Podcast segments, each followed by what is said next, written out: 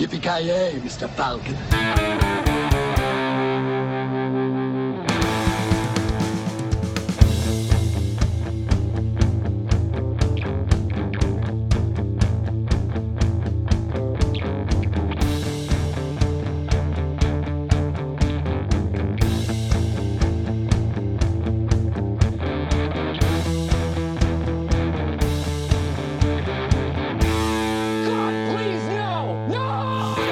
Jajamensan, då har ni kommit till avsnitt nummer 40, 4-0 av Creative Meltdown Podcast och då har ni med mig, Kalle. Joakim Granström. Och Kent. Och eh, ja, då har vi då 49 in one, eller 50 in nil, som vi nu kan eh, säga då. Mayweather slog ju ut eh, Conor McGregor.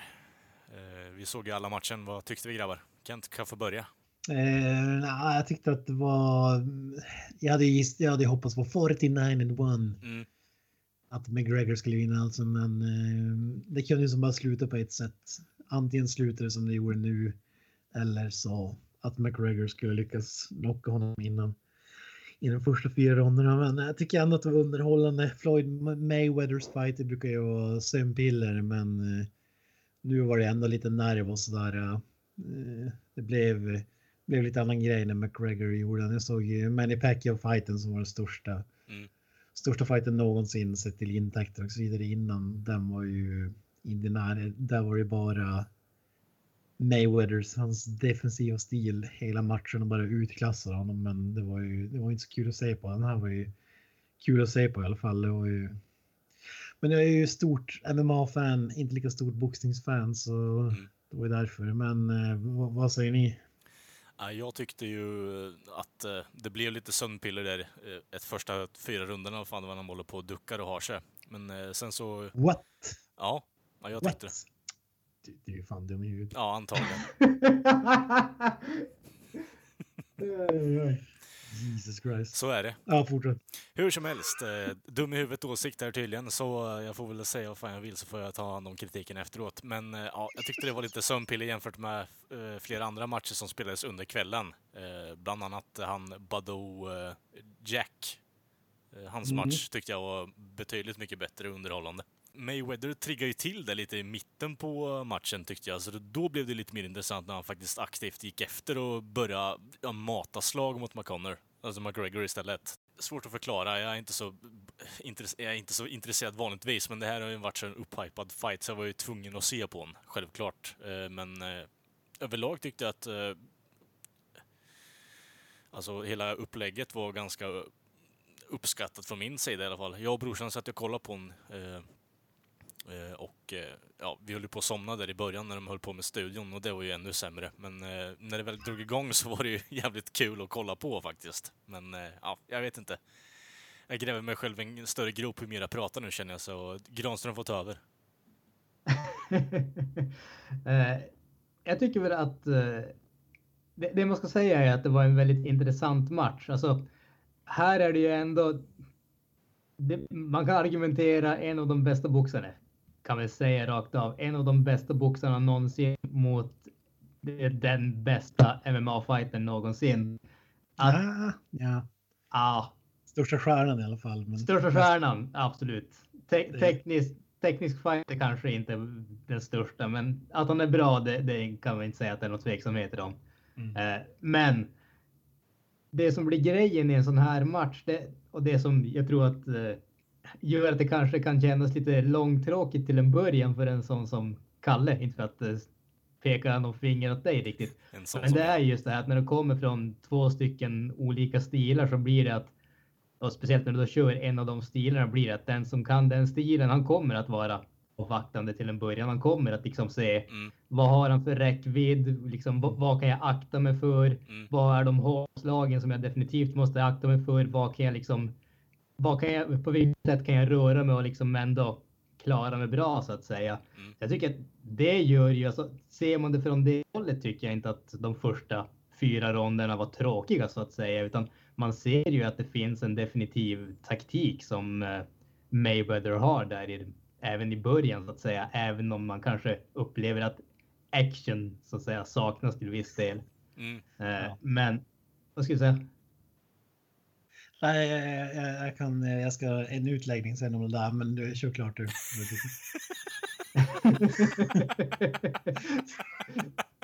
Okej. Okay.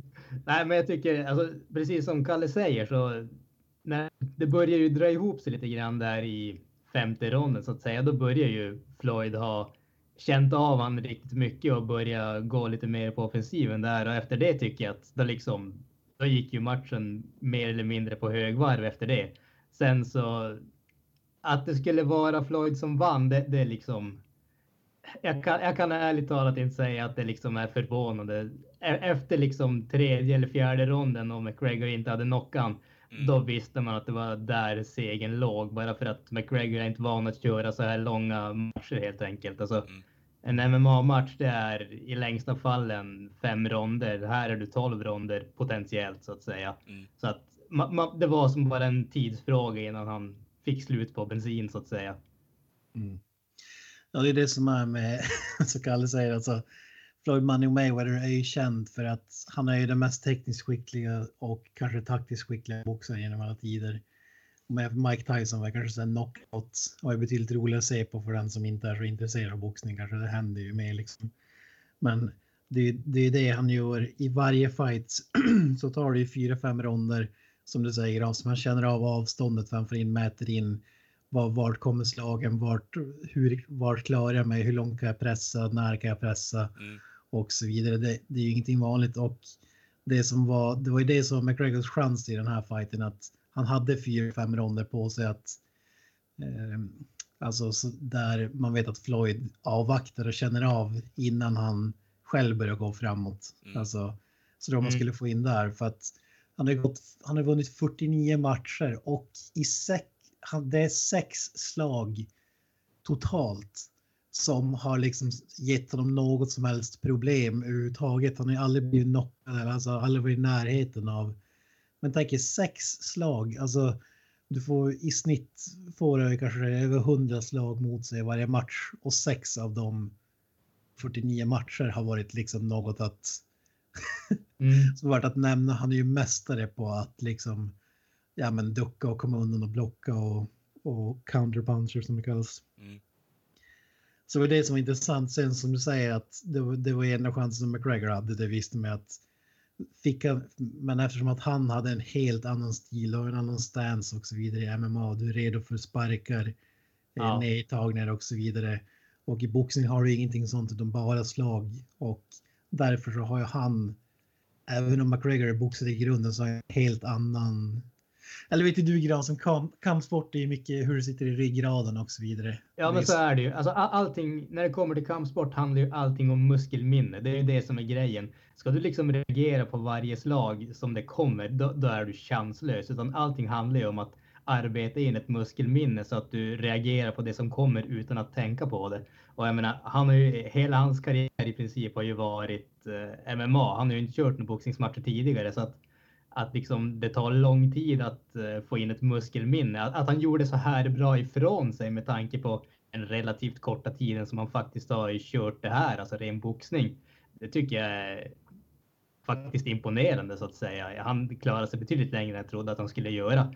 Men det blir ju definitivt en stor eh, nackdel för han just att nu måste han faktiskt kämpa mot sitt eget muskelminne så att säga. Mm.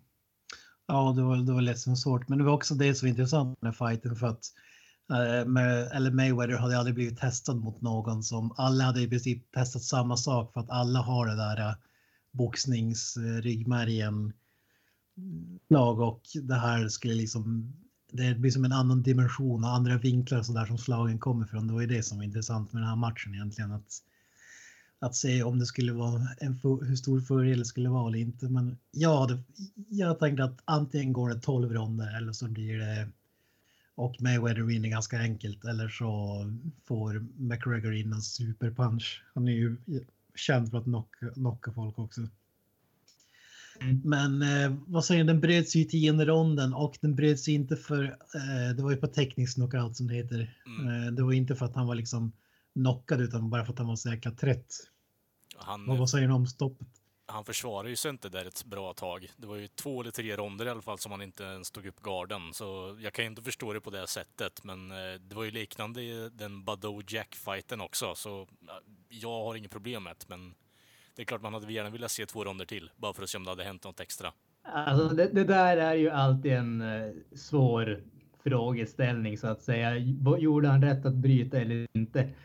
I slutändan så är det ju så att de där domarna, de har gått så jäkla, sett så jäkla många matcher, dömt så många matcher. De ser detaljer hos boxarna som liksom vi amatörer har ingen som helst chans att se. Mm. Och jag menar, det, det, är inte så att uh, Conor McGregor var liksom, hade full uh, tank, utan han stod på sista liksom han, han körde på gaserna så att säga. Man såg ju det i nionde ronden, liksom benen bara wobbla fram och tillbaka och sådär.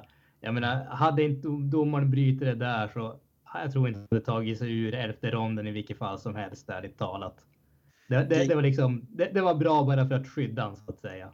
Mm. Jag tyckte också, alltså så här, han hade kunnat bryta där eller låta dem gå hela vägen ut för att Conor McGregor, så där såg han ut mot andra, andra fighten mot eh, Nate Diaz till exempel. Han vilade liksom nästan två ronder och sen körde han bara allt han hade kvar i sista ronden. Jag antar att det var samma, samma grej han hade här, spa, spara energin och så tänkte jag göra så. Men det är en helt annan grej i boxning jämfört med MMA. Där bryter de inte förrän, förrän du är antingen knockad, täpar eller har, har någon skada eller någonting. I boxning är det, en, är det som en helt annan grej.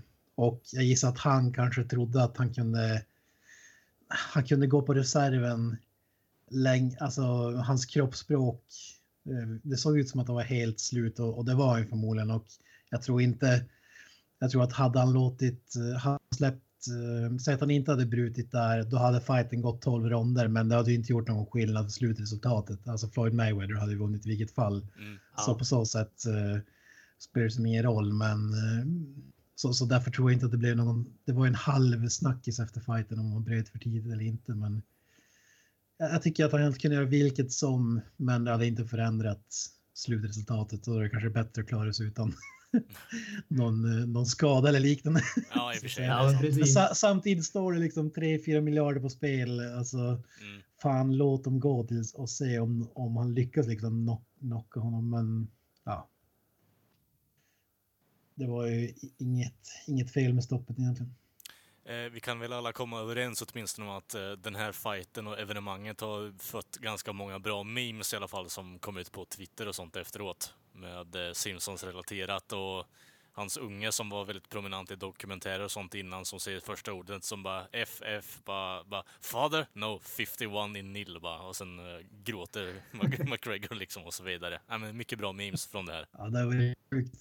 De har snackat så mycket innan. Ja. För, för de som inte är så insatta så är Conor McGregor är liksom världsmästare i trash talk och ja. snack. Och det är det som har gjort honom så så stor som han är. Liksom. Han, han är lite, jag har sagt det förr, jag tror jag har sagt det i podden till och med, han är lite som Zlatan Ibrahimovic mm. fast i MMA. So this time I'm preparing for a tall, lanky, ugly Mexican southpaw. And that's de it. snackar men de backar upp det. All, alla hatar på dem för att de är så kaxiga och men ofta nio gånger av tio så backar de upp det ändå. Det är det som har gjort honom så, så stor liksom han är ju absolut inte bästa, vad ska man säga, pound for pound MMA-fighten just nu. Han är kanske trea, mm. skulle jag säga. Men uh, han är absolut största stjärnan som MMA någonsin haft. Men eh, vad säger vi om en rematch i oktagongen då? där, där lär ju Mayweather bli äten levande så att säga. ja, alltså jag vet inte om han skulle överleva det. Alltså, helt mm. sjukt. Nej, men det är lite det jag tänker också. Eh, och som du sa innan alltså. så Floyd, Floyd är, det, det, går ju inte ens att jämföra. Det är klart. Eh, jag, jag, tycker det är, så som oinsatt och sånt så ser man ju bara att, ah, okay, han slår inte till honom på x antal gånger under 15 ronder eller vad fan det är. Eh, det känns som så i alla fall. Men, och sen så vet man ju innerst inne att ja, men han läser ju av läget och försöker vänta in honom. Det är taktik rakt igenom och det är han ju grymt bra på. Men det, ja, Jag kan inte annat säga än att jag blev lite smått besviken med tanke på hur upphypad den här fighten var. Det, det är väl det jag vill få fram här egentligen. Men pengaspekten, fan Mayweather, han har ju nu dragit in över one billion dollars. 100 billion dollars. Jag tror att det var runt 3 miljarder svenska. Ja, fy Tror jag fan att alltså. ska beräknas. Och Conor McGregor skulle runda slängar en miljard svenska. Ja, men alltså det, ja, Äh, fy fan alltså. Det är den stora skillnaden. I MMA pratar de i miljoner, men när det är Mayweather fighter då är det miljarder man snackar. Alltså, Mm. det, är inte, går- det är inte ens på samma planet. nej det är det inte. En mille att sitta ringside. eh, Var det en platsen. mille? En miljon. Ja just det, det är 100 000 dollar ja, förlåt mig. Ja, ja, men, ja det är sinnessjukt där ju. Men om vi säger så här grabbar. om du hade fått en miljard nu idag Kent, vad hade du gjort med de pengarna? Vad hade jag gjort med dem? Ja, vad hade du gjort om du hade haft en miljard i handen nu? Eller på bankkontot? Oj, bra fråga. Sprättat allt på Maiden. skivan. Ja, jag tänker mig att du hade haft så här privatkonserter tills du dör i stort sett. Nej, nej, jag vet inte fan alltså. Men alltid, man har alltid drömt om det där, typ vad, vad man skulle göra liksom. Mm. Jag tänker mig att man eh, har någon sån här liten privata ute i Karibien och sen så ja, lever man livet ut där. och bara tjänar överallt och får allting inflyget om man bör ha någonting. Ja, hur långt räcker det en miljard liksom? Ja, det- beroende på Jävligt långt Ja. skulle jag våga säga. tusen. Säg att jag har en miljard, skulle jag kunna flytta till Beverly Hills och aldrig behöva bry mig om vad någonting kostar liksom. Beroende på. Det är jag övertygad om att jag skulle kunna göra. Ja, du skulle nog komma jävligt långt i alla fall. Speciellt om det är dollar du har. En miljard dollar? En miljard dollar, ja då kommer du nog en jävla bra mycket längre. Ja, men ja, Jesus Christ, ja, då, då åker det ju vart som helst. mig Oh ja, någonting. oh ja. Jag tänkte en miljard kronor. Okej, ja men det, du kommer i alla fall en bra jävla bit kan vi ju säga. Tror, tror ni att det kommer vara, vad tror du Granström, det är kanske är lite mer insatt, vad, finns en, tror att det finns någon fight som kommer matcha den här sist, senaste kommande tio åren liksom i storleken? Nej, jag tror inte. Det, det, nej, kra- krasst sett.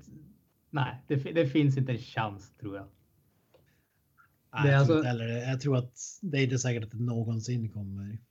kommer Nej, men, men alltså hypen inför det här, det, det var så, så extremt så att Mm. säga. Så att det, jag tror aldrig vi kommer att se någonting som jämförs. Och sen, nu var det ju verkligen om man säger två stycken olika världar som slogs ihop så att säga. Mm. Nu, nu är det gjort så att nu kommer nästa gång det händer kommer det inte att vara samma grej. Det, det här är ju lite grann nyhetens behag också. Ja, det är Mm. sant. Det håller jag med om. Ja, sorry.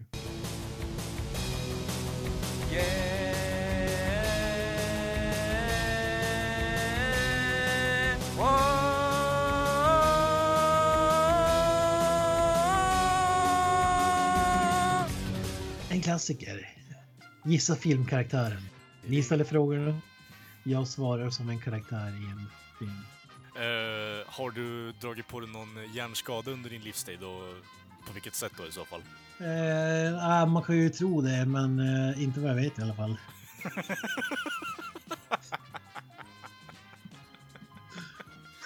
Jag gillar det så här hyperspecifikt. Vad har du för yrke? Detektiv. Har du en pratande bil? Nej, Vad tycker du om ditt yrke? jag älskar det där. Jag lever för det. Det blir ett dröm, eh, drömjobb, om man säger så. Är det någonting med ditt yrke som du stör dig på? Ja, folk som behandlar mina klienter illa så att säga. Hur ser ditt förhållande till alkohol ut? Än en gång, man kan tro att jag liksom eh, är tokdrogad eller, eller liknande, men eh, jag har faktiskt ingen uppfattning. Det är högst oklart. Jag tror att det är non-existing, men jag ska inte svära på det. Hanterar du bara svenska fall eller finns det någonting eh, in, alltså internationellt som du har hanterat? Om, om jag säger så här, jag opererar worldwide. Vad tycker du om mustascher? På ett filosofiskt plan. Eh, Ja, bra fråga. Har, har ni inget förhållande till mustascher? Jag vet. Vad är din syn på våld? Våld mot mina klienter är ju big no-no, men i övrigt så är jag ganska Slå någon... Utsätta andra människor för Ja, våld. precis. Okej, ja, men då, då vet jag. Hur ser en vanlig dag ut för dig? Jag är ganska impulsiv och gör saker som faller mig in och eh, därför eh, eh, ja, men of, oftast går det ut på att irritera folk och eh, ja, slutar väl oftast med att jag pratar med min röv. Brukar du sjunga med din röv? Ja, det stämmer. Opera främst. Mm.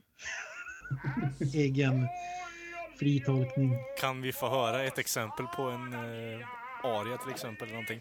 Eh, nej. Okej. eh, vad tycker du om eh, transsexuella? Eh, ja, det, det tycker jag inte om. I alla fall inte transsexuella bad guys.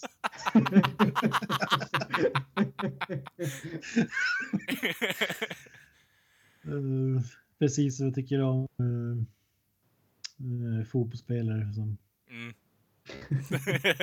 skumma fotbollsspelare. Vad skulle du säga är din relation till domestikerade djur? Eh, nej, men eh, ja, på gräns till tidelag om man säger så. Ja, precis. Ja, men det är lite det jag misstänkte. Nej, vänta, vänta, vänta. Jag, jag har en gissning. Det är Gene Simmons. Ja. Jajamän! Nej, men för att sätta en gaffel i det här jävla segmentet så är du Ace Ventura Pet Detective. Den är bra. Den Ja, bra. bra. Holy Testicle Tuesday! Hello! Kalle, vad fan har du sett i veckan? Ja, vad fan har jag sett i veckan? Jag har eh, sett på eh, Ducktails-avsnittet som du höjde till skyarna.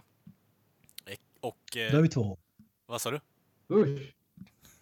Ja, jag har också sett det. Ja. Eh, och, och jag tänker också höja det till skyarna, även om jag har pissat på designen faktiskt. Ehm, ja, men det är så här, den serie som drar tillbaka en till, äh, drar en tillbaka till, ja men det, är fan det är lördag morgon.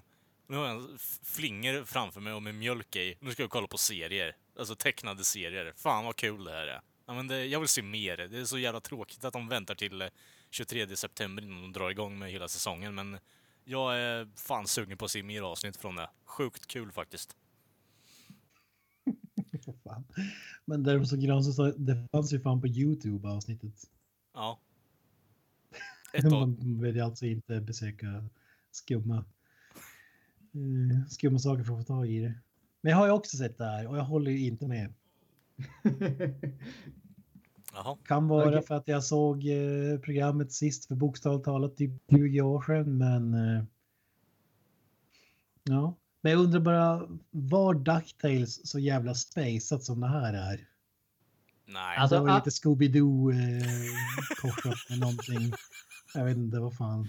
Jag, jag, sk- jag skulle säga ja och nej på den frågan. Alltså när det kommer till vad heter handlingsmässigt och det här liksom de bisarra äventyren så var det definitivt på den nivån som det här avsnittet, de här två avsnitten var i den tidigare serien. Däremot så har de ju definitivt vrid- vridit upp eh, ADHDn på alla karaktärerna Ja. några snäpp längre än vad de var i den gamla serien. Alltså beslutet att behålla den gamla kalanka rösten vad i helvete alltså. Va? Man hör inte ett ord av vad han säger. Det, alltså det, det har alltid varit det som är hans grej typ. Han, han pratar ju inte så mycket som han visar känslor så att säga. Vad ska han- han en visar skå, en känsla. skåning ungefär i USA.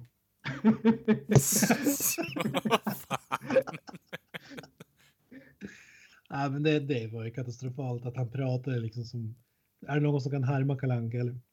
Nej, jag vill inte göra bort mig igen, så någon annan får gärna ta golvet på den. Nej, jag tror inte jag kan göra det. Okej. Nej, fan, det går inte. Det var massa... Ja, bra där. Disney, get in touch alltså. Det är get this man on the payroll. The man with one voice. Ja. Ja, men, om- vi då fortsätter bara lite snabbt på det där spåret i och med att både jag och Kalle tyckte om det. Mer specifikt bortsett från eh, Kalle Anka, vad var det du inte tyckte om i övrigt? Var, var det just att det var ADHD till tusen eller var det någonting annat som du störde på också? Alltså jag vet inte om jag tycker att det var ADHD, det, det störde de inte på, men det var ju väldigt så här, det var helt plötsligt var det liksom spöken och grejer och det som sagt kanske beror på att jag inte såg det för en typ 20 år sedan. Men det är så jävligt utflippat jämfört med hur det var tidigare. Jag tyckte att eh, den ena knatten också tålde fan inte resten. Alltså jag tror att det var en grena. Mm, Det var helt bedrövligt alltså. Ja, flinthjärta, what the fuck. Jag kan faktiskt backa upp det på den. Jag tyckte inte om hans design faktiskt. Det, det var typ det enda jag störde mig på. såg han ut alltså. Men jag är så van vid att läsa eh, de rosa-serierna från kalanka perioden i mitt liv. Eh, så jag tycker ju om den designen. Eh, och det är väl typ allt jag har att säga om den serien som är negativt egentligen. Jag ser extremt fram emot säsongen som kommer. Alltså, jag skrattade ju inte en gång under hela, mm, hela serien. Men, men humorn gick inte hem hos mig. Men nog fanns det, ju- nog fanns det ju positiva grejer. Men jag tyckte en grej var jävligt rolig när eh, na- eh, knattarna menade att eh, farbror Joakim inte skulle ens kunna skilja på dem. Mm. Eller visste vad han hette. Och så är det han i blått som säger det. Mm. Och så ska han gissa och så säger han äh, Bluey. det tyckte jag var jävligt bra. det var typ det bästa med hela avsnittet. Alltså. Bluey, så jävla bra. Ja, men, men då måste man ju fråga, vad heter det? När Sigge skulle prata svenska, hörde ni vad han sa? Nej, Nej. Alltså, jag, jag spolade tillbaka där typ fem gånger, jag lyckades inte höra vad han sa. jag tror man hörde typ tre första orden. eh, Men sen eh, försvann det. de, de hade bara så, kört Google Translate och så var det Säkert. någon som bara läste upp. Liksom Swedish Chef i Muppen ungefär. Burpty birdie, perky curly. Ja, men eh, fan, ja. Ja. Ja, det var inget för mig, men jag tillhör kanske inte målgruppen för det här programmet heller. Men eh, jag, jag tycker att det, det gamla var ju sjukt bra i alla fall. Som jag minns det. Nu var det som sagt sjukt länge sedan men Mm. jag, jag tror att det gamla var bättre. Jag tycker designen, det, jag tycker att det såg för jävligt ut. Cred till att det faktiskt ser ut som liksom tecknat gjorde förr lite grann, men det är alltid så fyrkantigt och ah, jag tyckte inte om det. Den Fint hjärta var ju världens design också. det är typ det enda jag, problemet jag har med designen. Jag förstår designen så här i efterhand av Granström. Och jag tycker att eh, animationen passar bra för de vill ju få det till att bli en serietidning i stort sett. Det är det som är hela grejen. Eh, Mm. Men eh, jag, jag tål inte designen de har gjort på Flinthjärta alltså. Det, det är någonting, jag vet inte, han känns för tjock på något jävla konstigt vänster. Alltså, det, det var faktiskt min första reaktion som jag hade när han kom med i serien. Ja. Det var, liksom, var han så där fet i gamla serien? Jag tyckte han var, jag får mig att det var rätt fit ändå. så Ja. att- Mm. Eller, eller som eh, Knösen skulle Alltså han sagt. såg väl ut som Joakim von Anka fast med kilt. Ja, inte och skägg. Och skägg. Lite grann kilt och skägg. Ja. Ja. Och nu ser han ut som jävla comic book guy. Fast dvärg. Best death ever! Hade du sett någonting annat då, Kalle? Eh, jag har inte sett någonting, bortsett från det vi ska prata om senare, men det tar vi upp sen. Eh, det har ju faktiskt kommit ut ett nytt album av Queens of the Stone Age och det har jag lyssnat på religiöst sen det kom ut nu.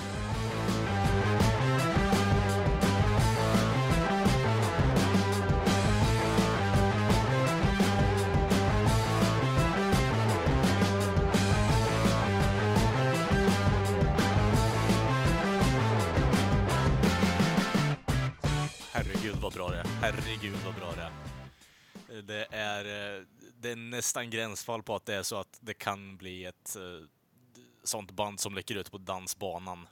Och det, jag vet inte, det säger ganska mycket att jag tycker om ett sånt typ av album också, men det, det, det är fan svängigt alltså till, till och från. Det är inte riktigt ett Queens of the Stone Age-album med så här eh, stoner metal och stoner rock överallt, överlag, men eh, Kent kan ju backa upp mig på den när jag säger det.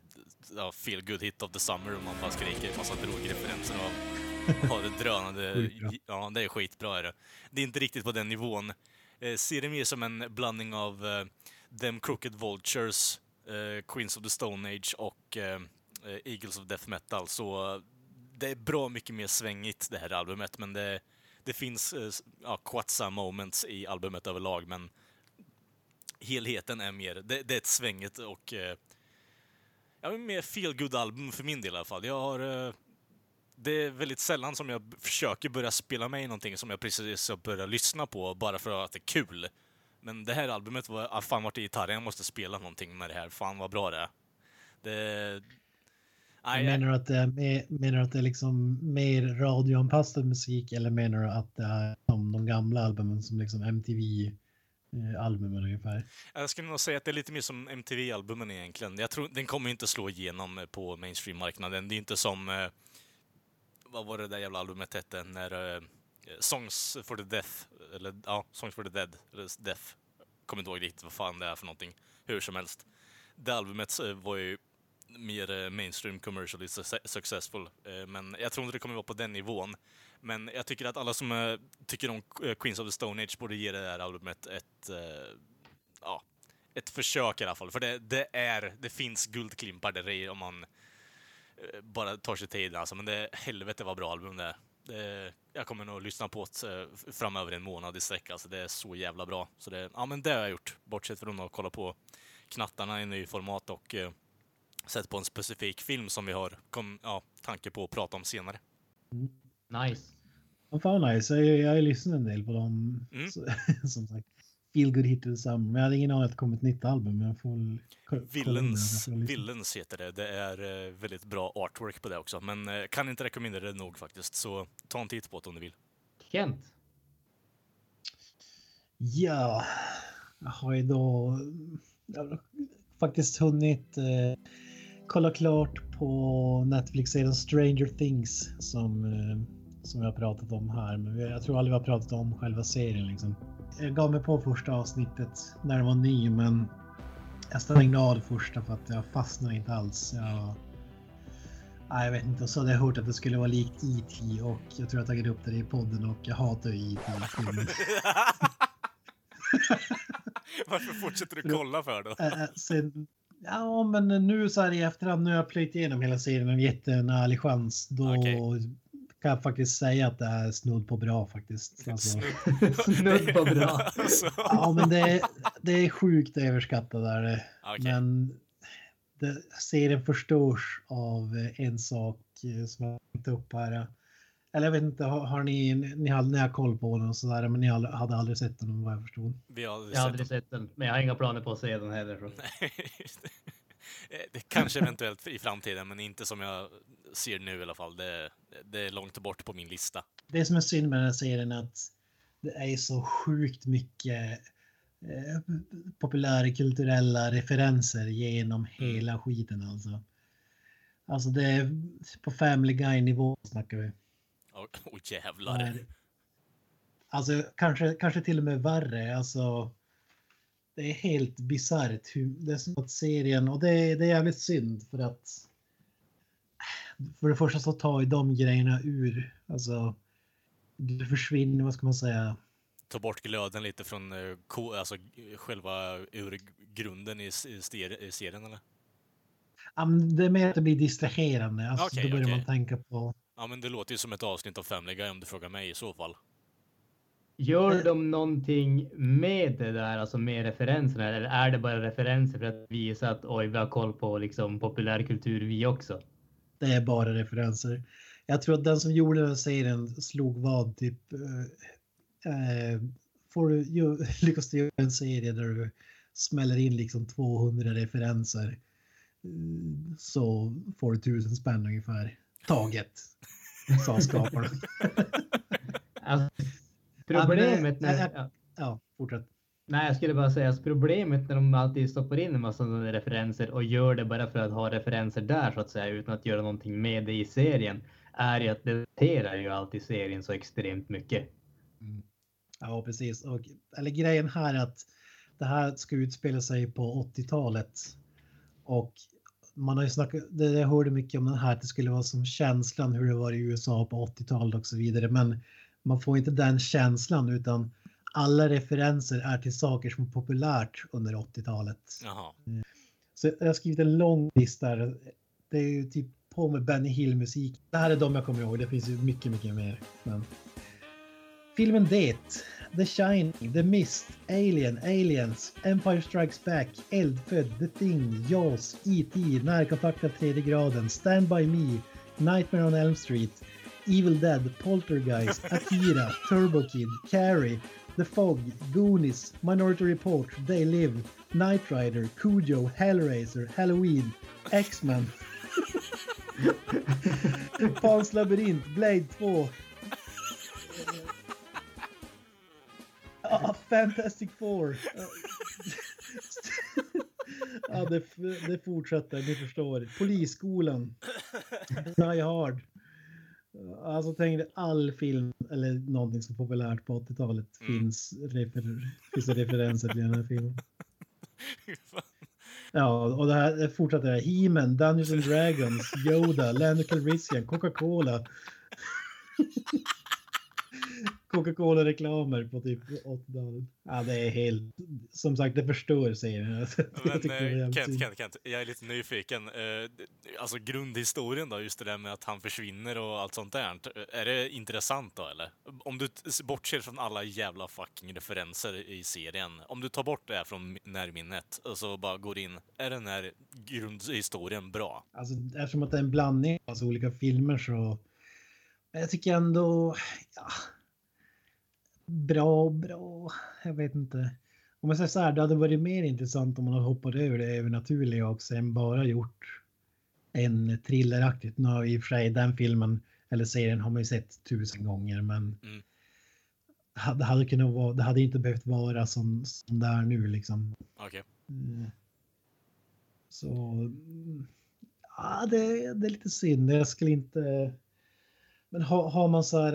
eh, Har man, har man tänkt se, har man hört talas om den tänkt serien och så har inte för höga, höga förväntningar liksom. Det, Mm. Men jag, ty, jag tycker ändå att den är, den är värd att se liksom. Mm, man.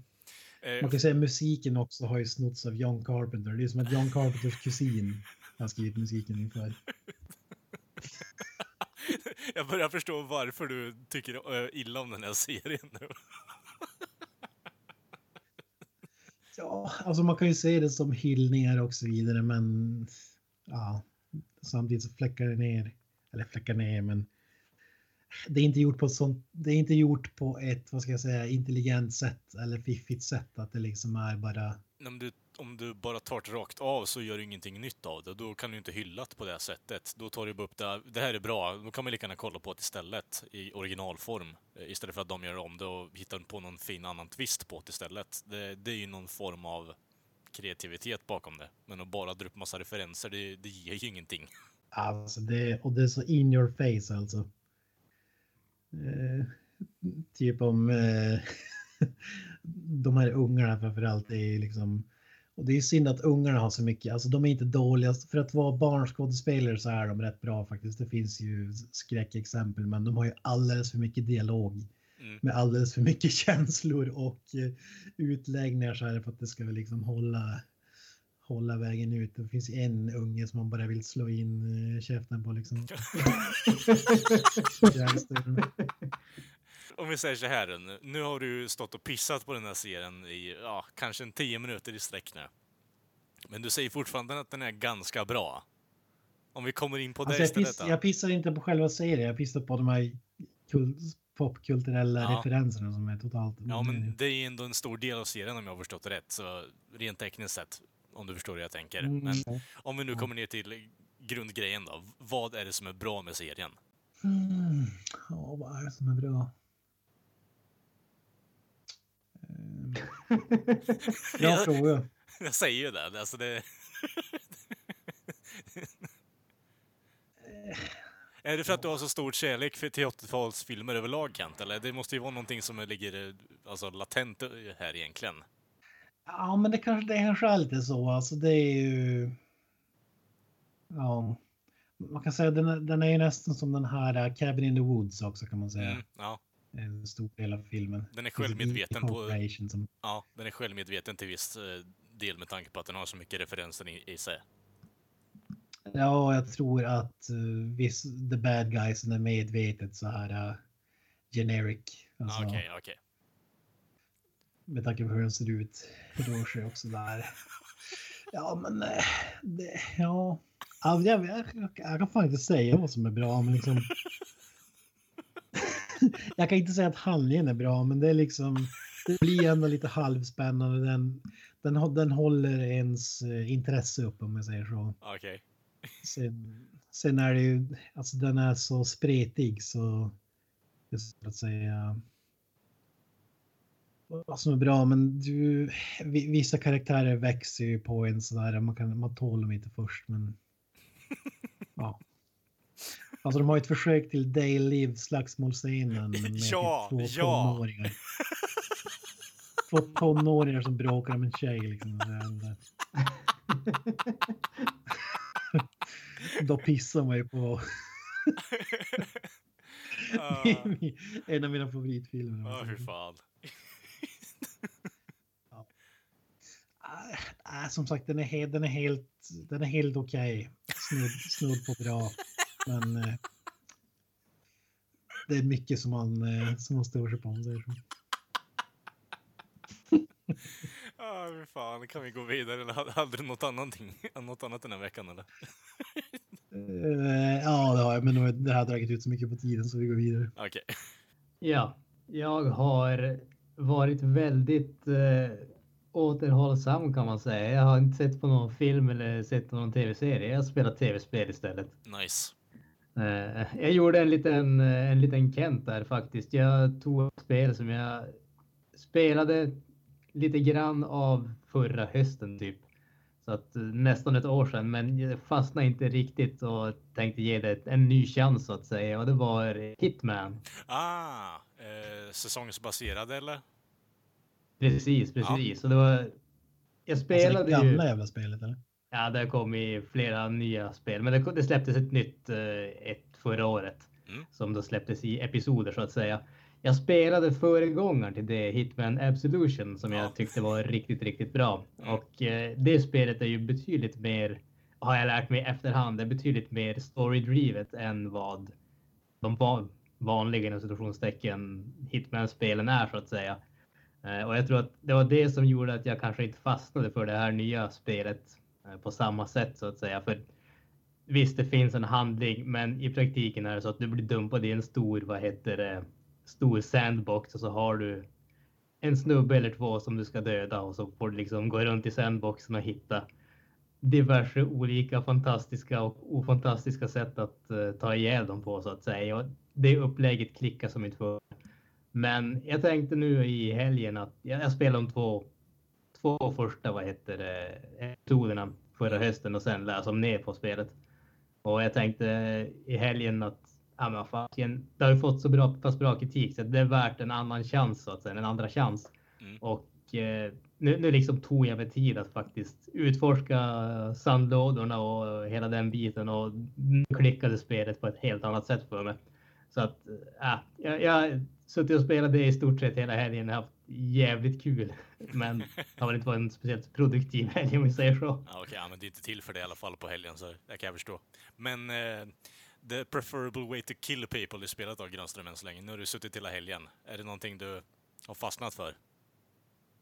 Alltså jag, jag min favoritgrej det är ju Garot, alltså med pianosträngen Ja, strypa ihjäl dem så att säga. Ja, Men problemet med det är att då måste man ju vara up close and personal så att säga hela tiden. Jag, är inte så skicklig på det här spelet om vi säger så, så att det är inte så ofta jag lyckas med det. Men det, det är definitivt min favorit. Fråga, har du sett filmen? Jag har sett den första men inte den andra. Nej, okej. Vad tyckte du om den första? Eh, rätt värdelös film som inte har speciellt mycket med Hitman att göra bortsett från att karaktären har en tatuering på bakhuvudet. Jag gissar att det så i den andra filmen också. Eller? Som sagt, jag har inte sett den så. Jag har faktiskt sett den, jag har aldrig spelat spelet så jag kan inte säga någonting om eh, hur den är, men den är ju inte bra om man säger så. ja Jag satt, jag satt och kollade på eh, någon kritik. Jag kommer inte ihåg det. Jag tror att det var Rotten Tomatoes och sånt där. Jag tror att den nya filmen hade typ 18 eller någonting sånt.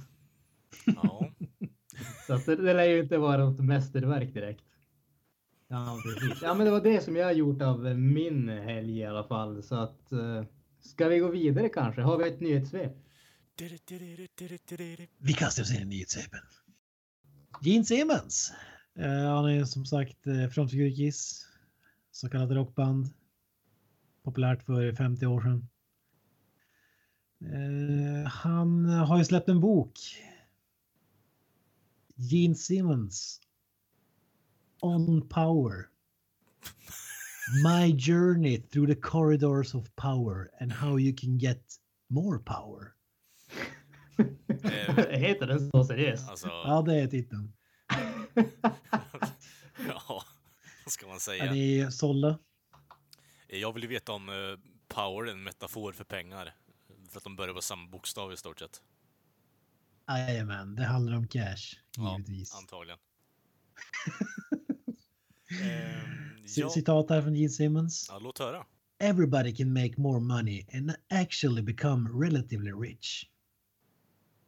Ja, Okej. men ha, det är väl typ hans tips för hur man kan tjäna cash ungefär. Så- så- Vad var tipset då? För det, det var ju bara ett påstående.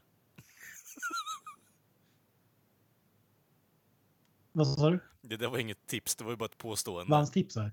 Ja, Ja, nej, nej, men jag säger att bo, boken handlar om hans eh, tips för hur man kan liksom tjäna cash okej, jag trodde du hade tipsen. efter hans erfarenhet. Ja, jag trodde du hade något tips framför, det var det jag reagerade på. Ja, Det, det, det, det är bara ett tips. Make upp en hel bok. Ja, make Hela money. boken handlar om hur How to get rich skulle boken kunna heta i princip. Mm. Är du med? Jo, jag fattar. Det är liksom, ha- alltså, det, det hela eh, Making Moneys, eh, Money for Dummies eh, versionen liksom. Det är där det är. Bara att Gene Simmons har lagt på en klisterlapp med sig själv på framsidan. Nej, han har faktiskt sin patenterade moneybag. Eh, en pengapåse med ett dollartecken på framsidan.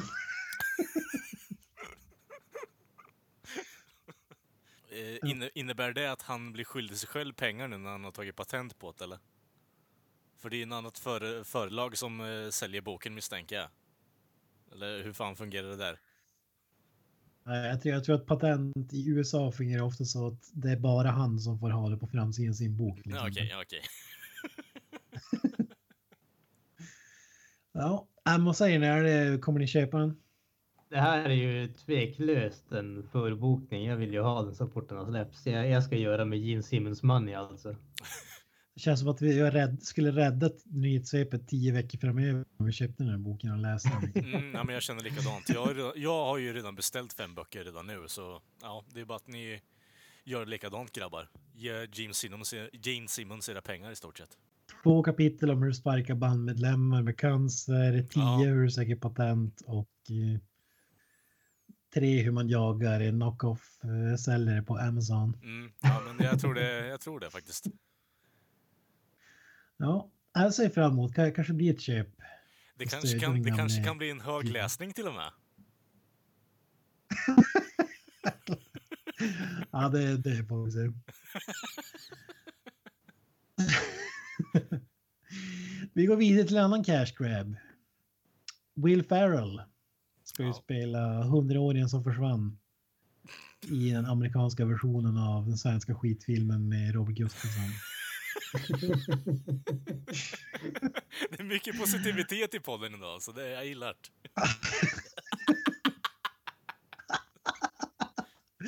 Nej, jag vet inte, har du sett originalet eller? Ja, det har jag. Svenska. Ja, det har jag.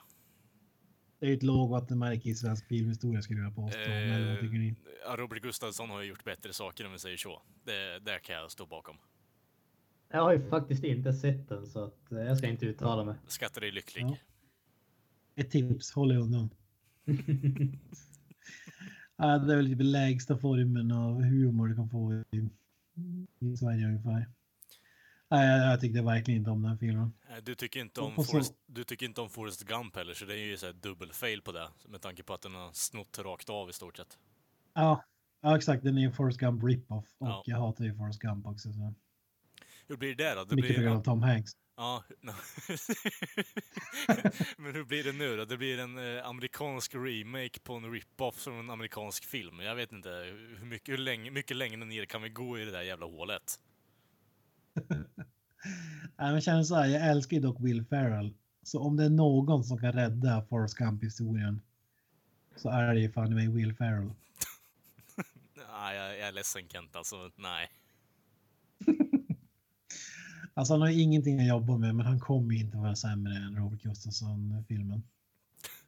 Det här kommer Det kommer inte vara. Det här kommer vara filmen som Will Ferrell eh, liksom, eh, och, alltså tänker tanken åtminstone på att ta sitt liv. Oh, Jesus. Nej, jag förstår inte. Alltså okej, böckerna har hållit bra i Sverige i alla fall, men jag, jag ser som inte varför den, här, varför den ska göras en amerikansk version. Ja, men när det redan finns en. Så det- jag vet inte, det känns fucking pantat bara. Och folk säger en remake på, på Forrest Gump. En svensk remake på Forrest Alltså, Gump. en, en, ja, precis. En svensk remake på Forrest Gump. Det hade blivit hur grymt som helst. Ja, de gjorde en, eh, vad fan var det ni länkade till mig för ett tag sedan, det där med den amerikanska versionen på Naken eller vad fan det var. Eh, Det är ju någonting med alltså, Hollywood överlag nu som har bara flippat helt och hållet. De har ju slut på idéer, alltid bara remakes och reboots. Ja, det är därför. Eh, det- Jag vet inte, det är lite fascinerande att se det här bara implodera helt och hållet. På gamla idéer. Jag vet inte, det känns lite tragiskt samtidigt. Ja, filmen Naken i sig är också en rip-off av Groundhog Day. Så jag inte.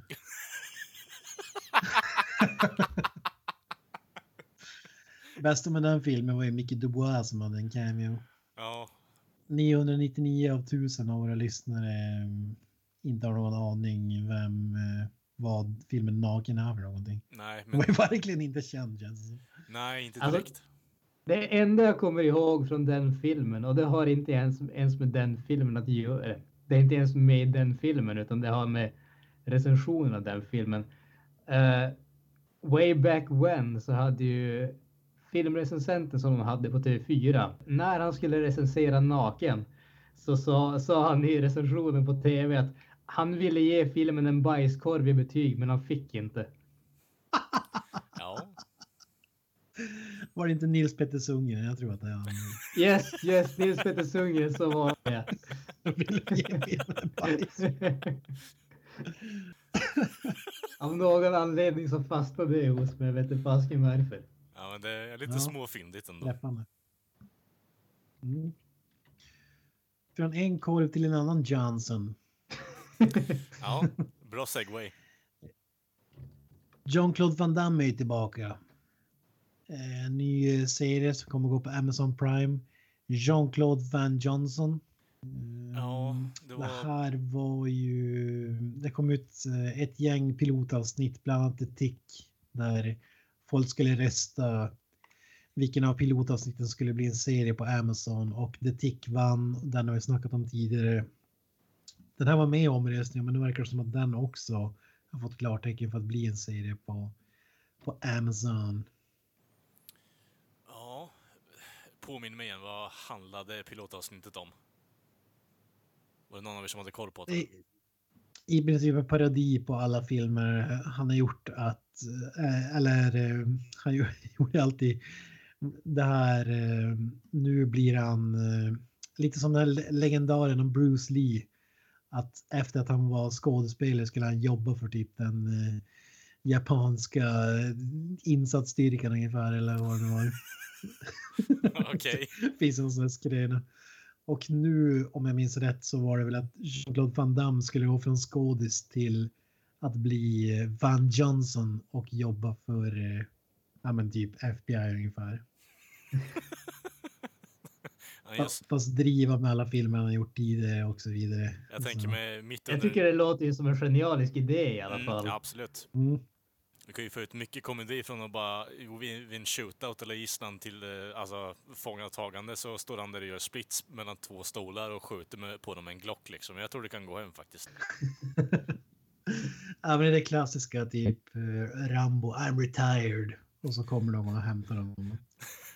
Alltså, jag, jag kan ju bara säga att jag kommer att bli väldigt besviken om det inte finns med åtminstone ett träningsmontage och en eh, sån där split i varje avsnitt. Mm. Det är det i piloten kan jag säga. Och nice. i, i piloten så ska han besegra en skurk genom att göra en split och ge honom en Bangkok-smäll.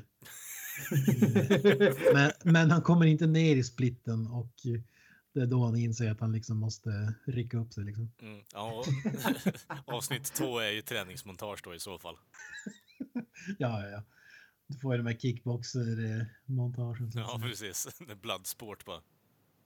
Orkar inte Ja. filma in nytt så de bara tar scener från Bloodsport. Nej, jag är sjukt taggad. När man var liksom 15 barre, det var ju favoritskådisen ungefär. Jag har sett alla, alla filmer med honom. Så det vore jäkligt nice. Jag hoppas att han skulle vinna igen, men han verkar inte ha vunnit den, men det blev en serie i alla fall. Men Yes. eh, det ser jag fram emot. Van Damme-serie. Om det är lite tongue in cheek så kan jag vara lite smått intresserad av att se den faktiskt. Jag tycker det låter fullkomligt genialt så jag ser definitivt fram emot det. Sen, sen är det ju bara att hoppas att man då har möjlighet att se den någonstans här eller om det bara blir en eh, Amazon Prime Exclusive så att säga. Mm. Ja, det, lär- det, lär väl bli Amazon Prime Exclusive, eller som lite synd. Det är väl de som gör den också. De gör ju precis som Netflix. Ja. Det är en streamingtjänst så har de börjat producera egna filmer och serier. Så. Exakt det som vi pratade om för några avsnitt sedan. Med Disney. Mm. Ja, precis. Vidare till den här nyheten. Tom Cruise. Okej. Cirkulerar en teori här om eh, hans fake butt. Eh? Filmen. Valkyria från 2008. Mm. Någon som sett den? Yes. Nazistfilm.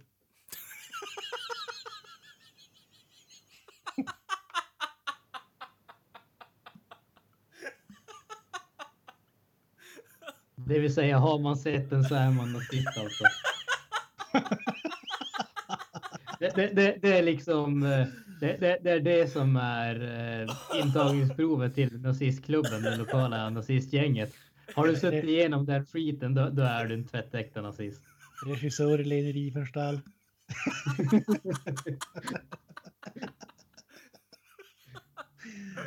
ja. Ja, inte riktigt. Ja, men i, I en av scenerna här är det någon som har lagt ut eh, på Twitter bland annat. där, där Tom Cruise liksom framåtböjd på marken och eh, använder en fake rev som ser som en, ut som liksom två stora ballonger. eh, som man har i byxorna. Ja, vad säger ni?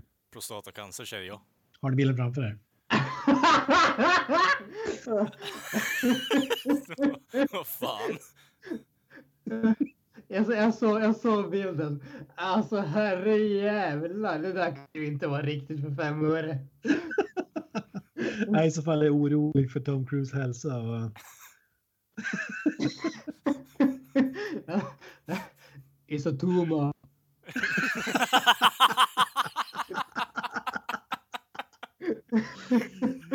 Jag vet inte, det ser ut som att den högra skinkan är gigantiskt mycket större än den vänstra, men jag vet inte. Ja, Jesus. Alltså fy fan.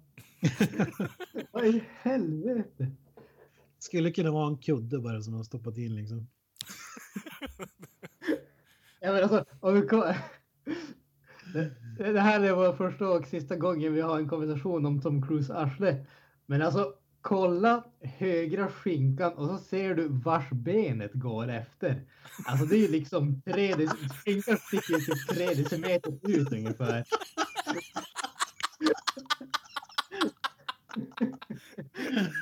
Nu är frågan varför skulle han ha en fake rev i den här scenen? Man kan säga att han ställer sig upp efter en uh, missilattack eller liknande. Ska resa sig upp. Alltså, jag, jag, jag vill veta liksom, hur, hur gick tankarna här? Liksom, liksom han stod upp, missilattacken kom, och han ramlade ner och sen åt assistenten. Sätt ner en, liksom, sätt ner en kudde i min, mina byxor så att jag får liksom en stjärt och sen ställer han sig upp och sen till assistenten igen. Ta ur kudden, nu ser min stjärt ut som den ska igen eller vad? Nej, men de har gjort 400 retakes. Hans rev är helt slut. Han har sa- satt sig upp och ner hela dagen. Get me a pillow. Eller get me two balloons. Fan. Ja, alltså, jag, jag, jag är genuint fascinerad. Det, det här känns ju som ett av de stora filmmysterierna. Jag tror att det här är nästa grej för att undersöka. Mm. Of cinema.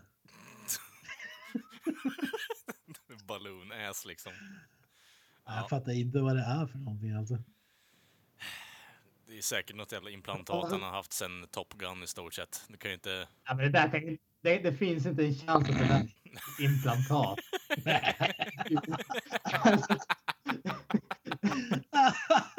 Den här storleken, men sen då, det, det är ju så konstigt också för ser man, på, ser man på perspektivet så är den vänstra skinkan närmare kameran.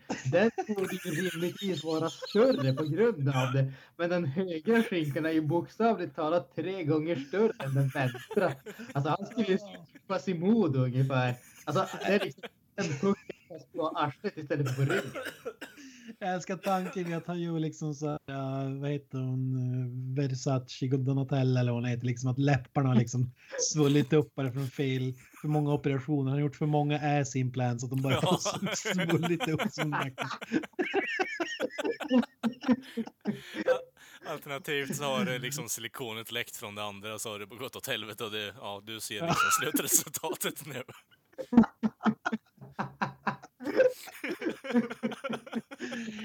Det är någon scientolog som har gjort butt implants som Ja. inte har koll på grejerna direkt. Åh, Fan. fan. Åh, herregud. Ja, de här måste ju ses. Ja, vi får följa upp det där. Vi får, mm, får följa upp det nästa vecka. Och Vi se. får ta en djup undersökning in i Tom Cruise arsle. Mm. Jajamän.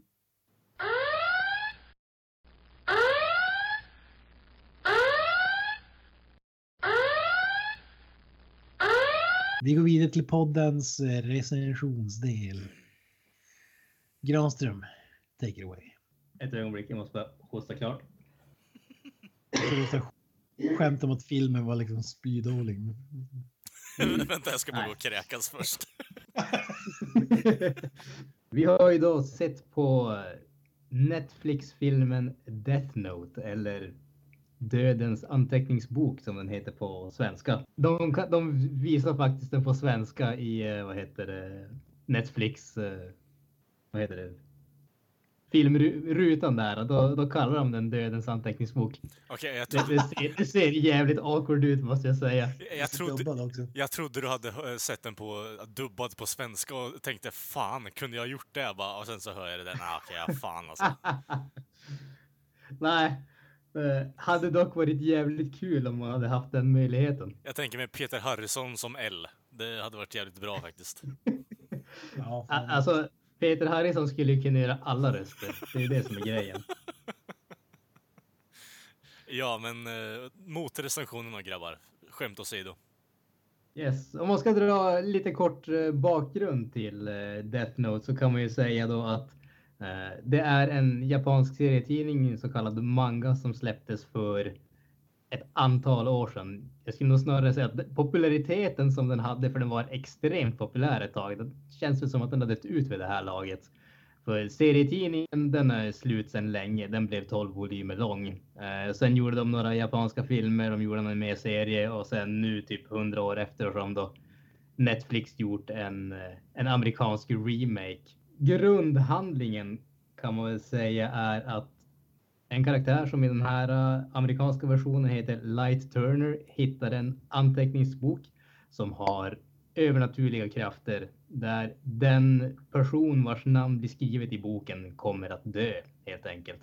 Och Light som ser sig som, som en förkämpe för det goda eh, bestämmer sig för att eh, döda kriminella helt enkelt.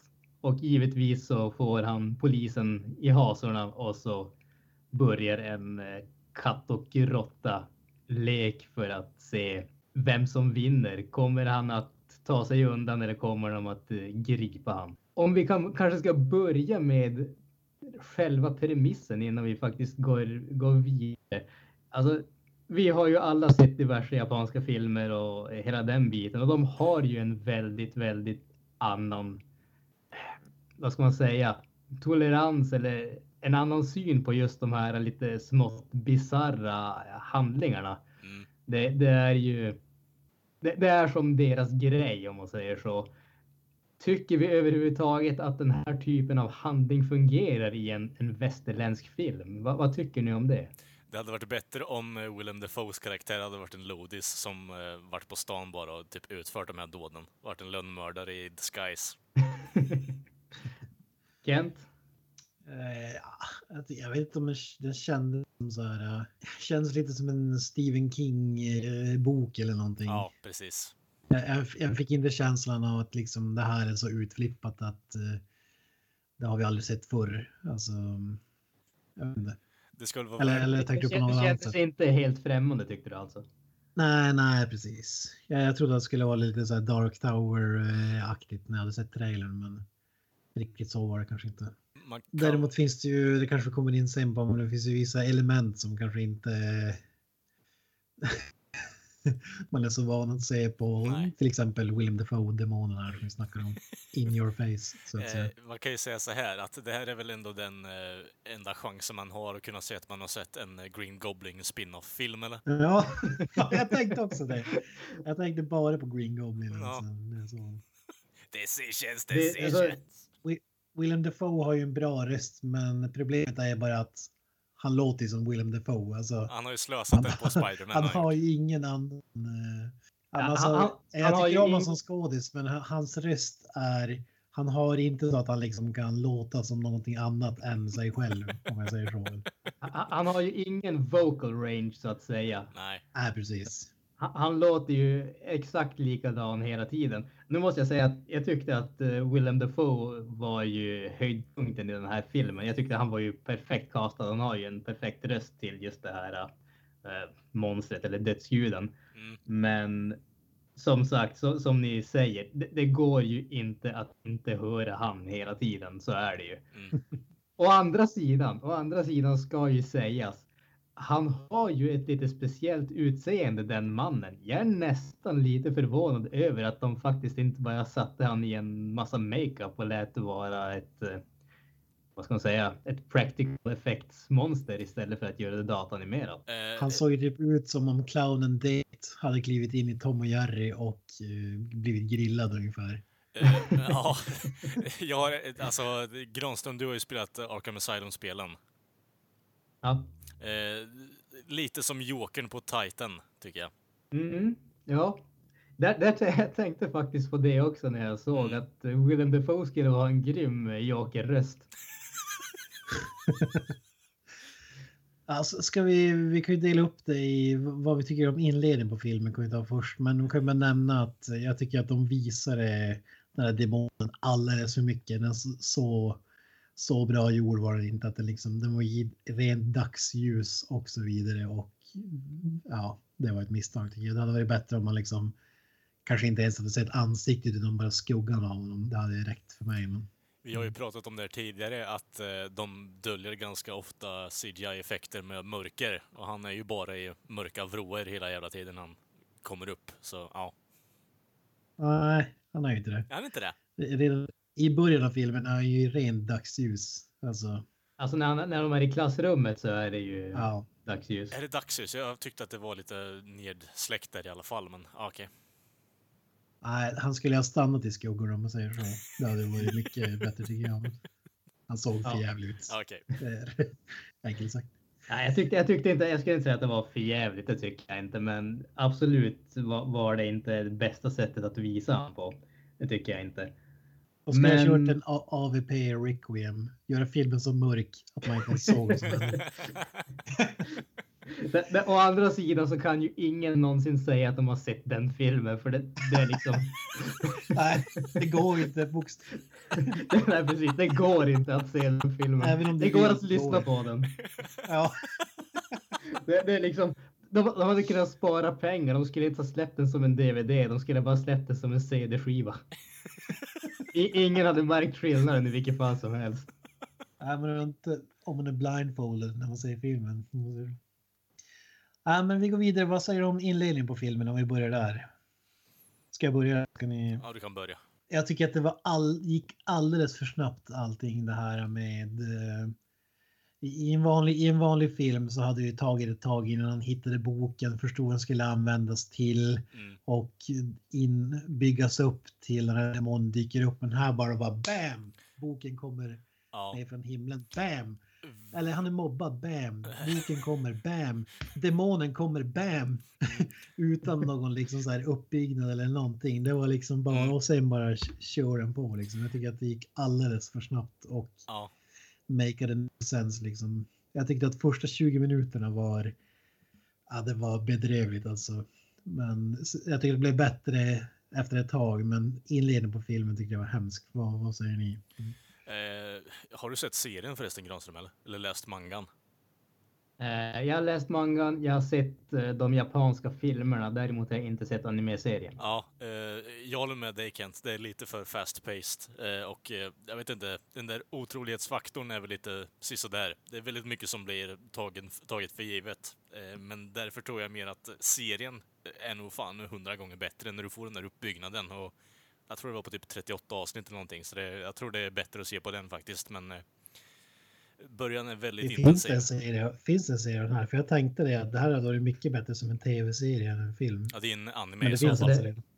Eh, Det är ju en anime-serie. Eh, Men sen Ja, finns det ju de japanska filmerna, då är det ju två stycken filmer som pre- precis som uh, Rurouni Kenshin som vi pratade om tidigare, där de mer eller mindre bara kapar skiten i mitten ungefär. Eh, Så att den, den är ju dubbelt så lång och det, det gör definitivt stor skillnad. Men för mig, alltså, jag hade inget egentligen större problem med öppningsbiten där. Eh, men jag tror, när, när, precis som du säger Kent, att man får inte så mycket förklarat och det händer bara liksom pang, pang, pang. Jag tror ju att det är helt enkelt för att jag hade sett, eh, läst mangan och sett serierna eller filmen tidigare. Så att jag, jag, jag tänkte som inte på att har man inte sett det så fattar man inte vad som händer så att säga. Eh, Alltså jag tycker att man fattar, man fattar jag, jag kan säga så här, jag hade inte, jag hade ingen aning om vad det var. Det var bara ni som hade tipsat mig om den här.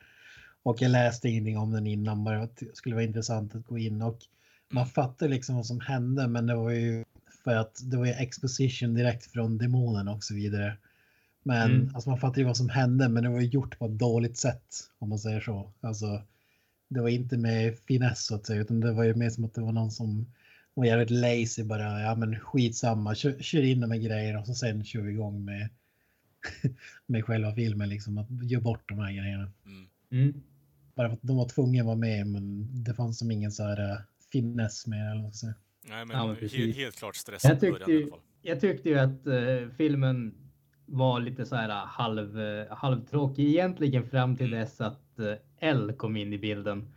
Eh, och det var, det var ju då som vad heter filmen verkligen tog fart. För då känner man att nu, nu får han en motståndare. Nu måste han börja tänka lite grann. Nu pratar jag alltså om eh, Light Turner så att säga. Nu måste han börja tänka till och se liksom hur, hur han arbetar och så där. Och då kände jag att då, då kom filmen till liv på ett helt annat sätt. För då kändes det som att den blev lite smartare. Annars var det ju mest bara exposition som du säger där i början. Men när han väl fick en motståndare så då, då blev det lite mer, lite mer baktanke och sådär. Och sen tyckte jag att det var ju trevligt, trevligt var fel ord, men det var bra att ge han tjejen som drar han åt andra hållet så att säga. Han är ju karaktären Light är ju ganska velig av sig. Han vet inte riktigt hur långt han, han vågar gå. Alla Hollywoodfilmer normalt sett så är det alltid så att tjejen ska ju representera det, det goda och den som försöker dra mot ljuset.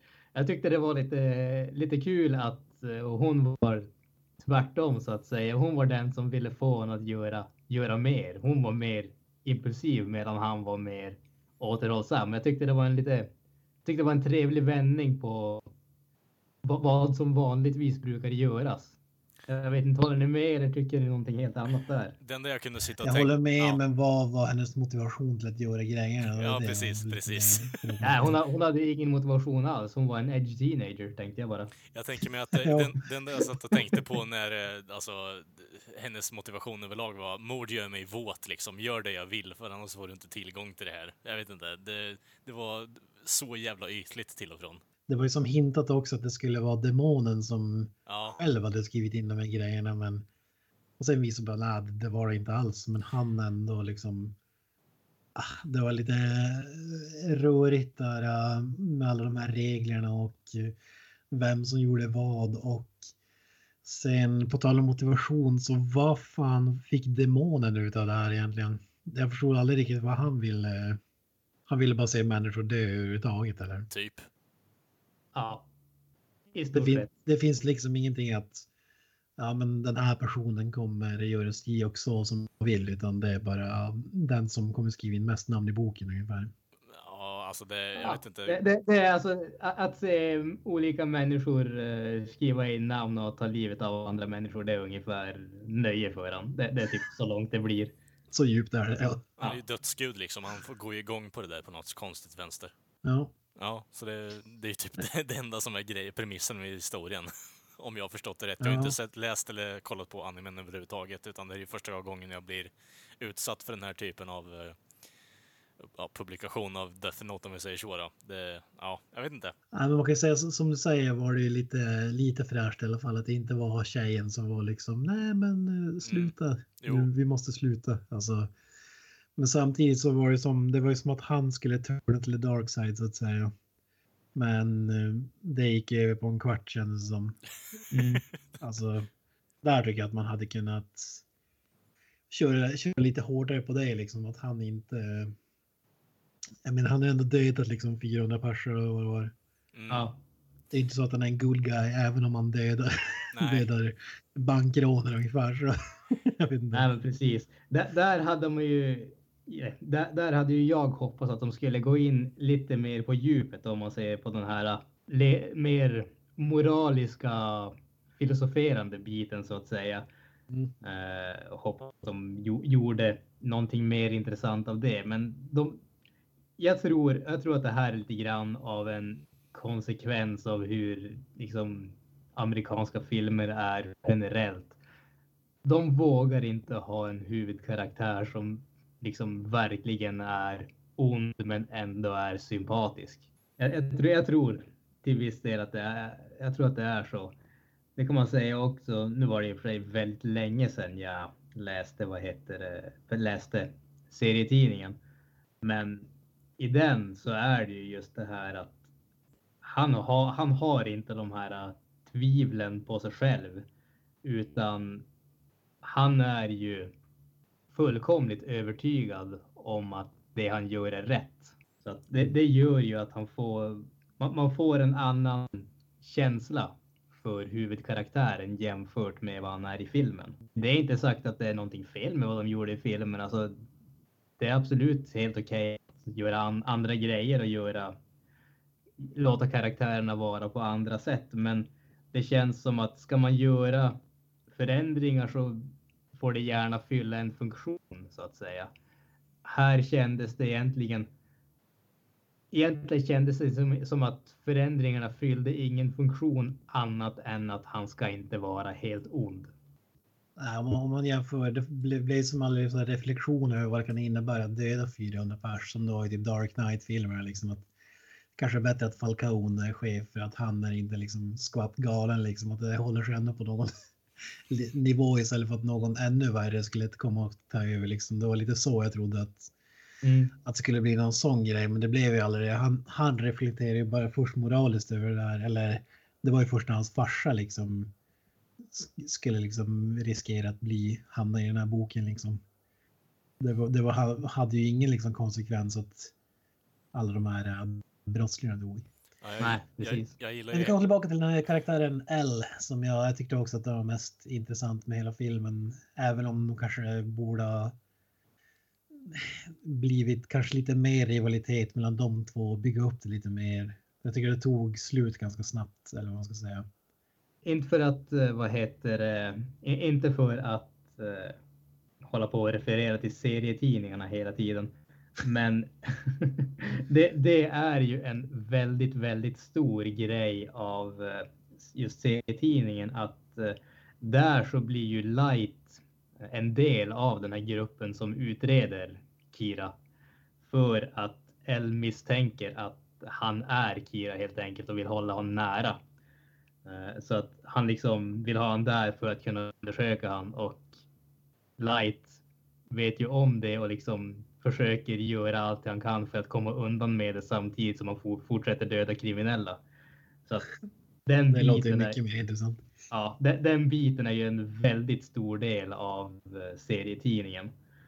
Så, och jag menar, visst, ska du krympa ner 12 volymer av en serietidning till 90 minuter film så då är det definitivt ställen och eh, handlingar och trådar som får ta stryk och det var definitivt en av de som kändes mest tycker jag. Ja. Sen, eh, det var ju otroligt långsökt hur de skulle lista ut att hur de här morden gick tillväga, liksom vem som låg bakom och så vidare. Det, det var ju inte trovärdigt för fem öre liksom att ja okej, nu fattar vi. Det är någon med övernaturliga krafter som liksom. ja, jag vet inte, det kändes jävligt. Men det är väl en sån film där man får väl bara köpa det. Det spelar inte stor roll egentligen, men jag tyckte det var sjukt långsökt alltså. Hela tråden eh, dras ut till en lång lina kan man säga i en av de mest, alltså det, det känns, slutet i den här filmen känns ju så extremt specifikt så att planeringen blir bara bisarr om man säger så. Jag, jag, jag, jag, försökte säga vad jag tyckte utan att spoila hela slutet där, men jag vet inte. Om vi Ja, vi, bara... vi har ju spoilat hela filmen så fan. Eller ska vi, säga, ska vi sammanfatta vad vi tyckte om filmen innan vi går in på superspoilers? Ja, det kan vi göra. Kalle, börja. Eh, intressant premiss. Eh, passar sig inte översatt till film. Håll den på en serienivå så att man kan utveckla karaktärerna och faktiskt göra en intressant grej av det. Eh, tvinga inte fram eh, så jävla mycket edge-grejer bara för att det är intressant. Alltså, Ha gärna en poäng med det i så fall istället för bara vi ska döda din farsa bara eh, för att jag vill komma nära dig bara. Va? Eh, Nej, det, det, okej. Du, du pratar om en väldigt instabil karaktär så jag tror inte det fungerar på det sättet, men okej. Hur som helst, eh, filmen överlag, eh, nej. Nej.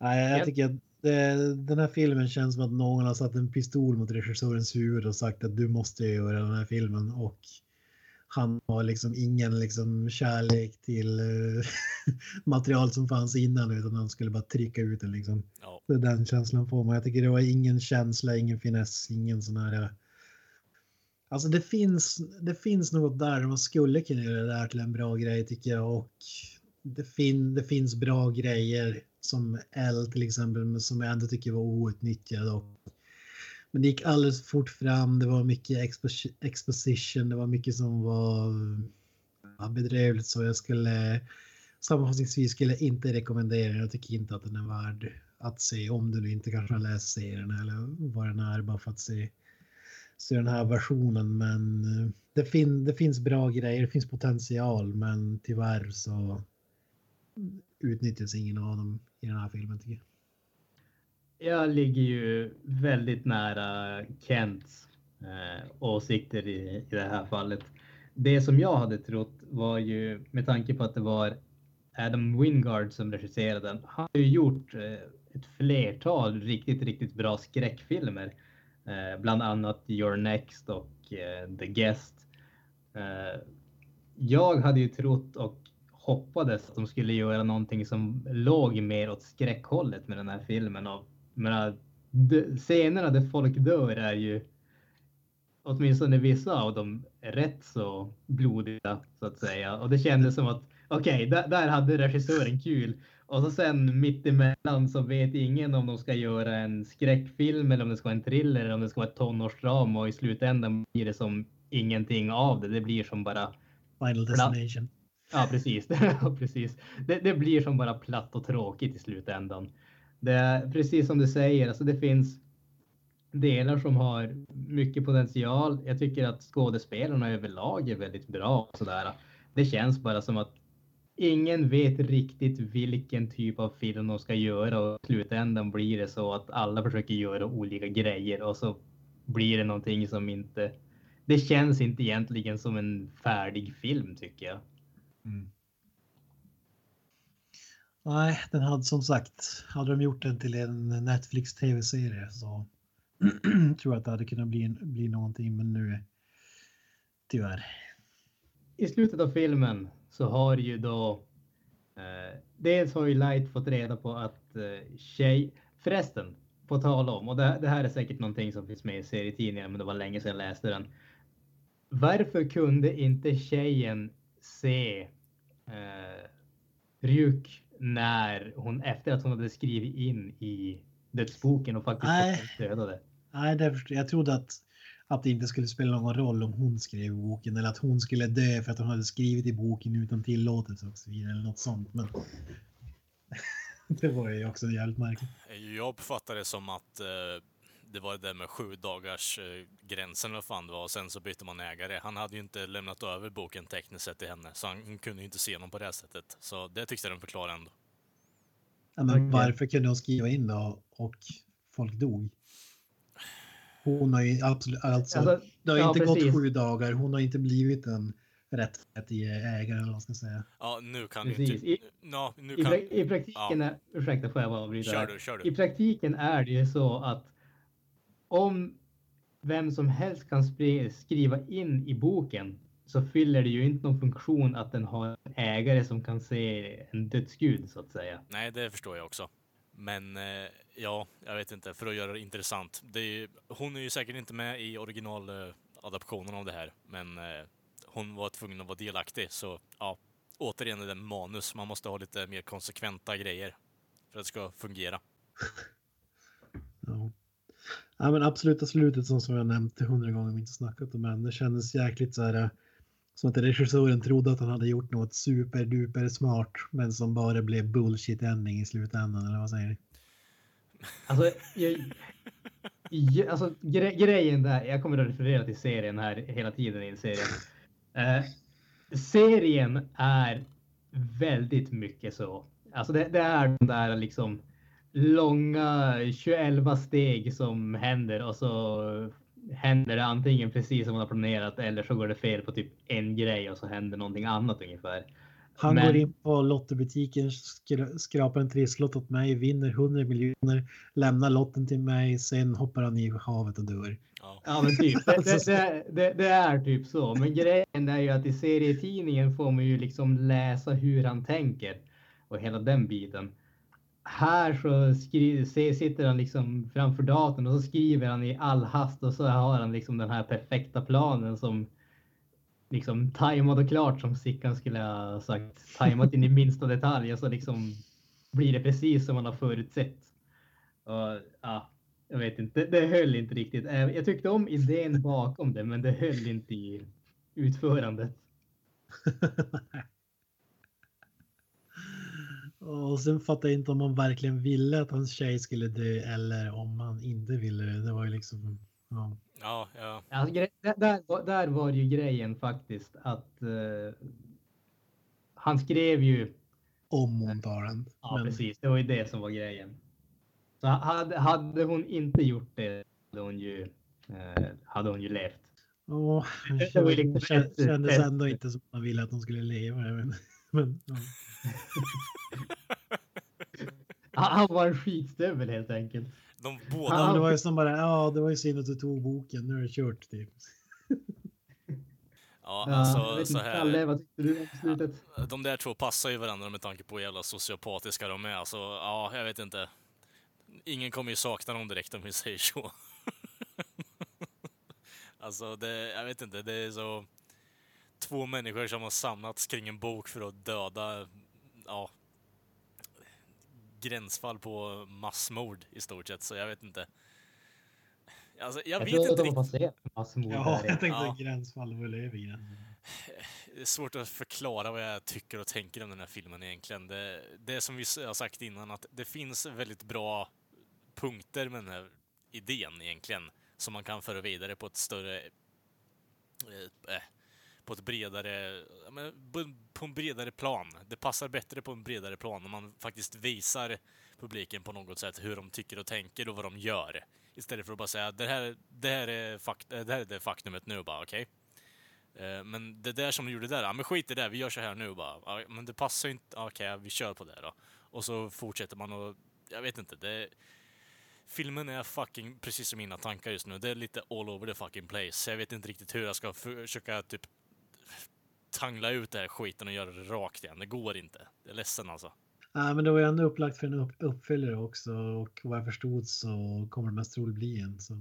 Man kan ju hålla tummarna i alla fall. Att de, om de gör en uppföljare, att de lyckas kanske dra ner på tempot lite grann, göra någonting som bygger lite mer spänning, lite mer känsla. Jag tror som sagt, som vi har sagt flertalet gånger, det finns definitivt potential, men de måste våga liksom sakta ner tempot, våga spänningen byggas så att säga. Det, det, det, det, det går inte bara att kasta saker mot väggen och hoppas att eh, någonting fastnar så att säga. Och med det tar vi då och kör lite avslutande ord för eh, denna veckas avsnitt.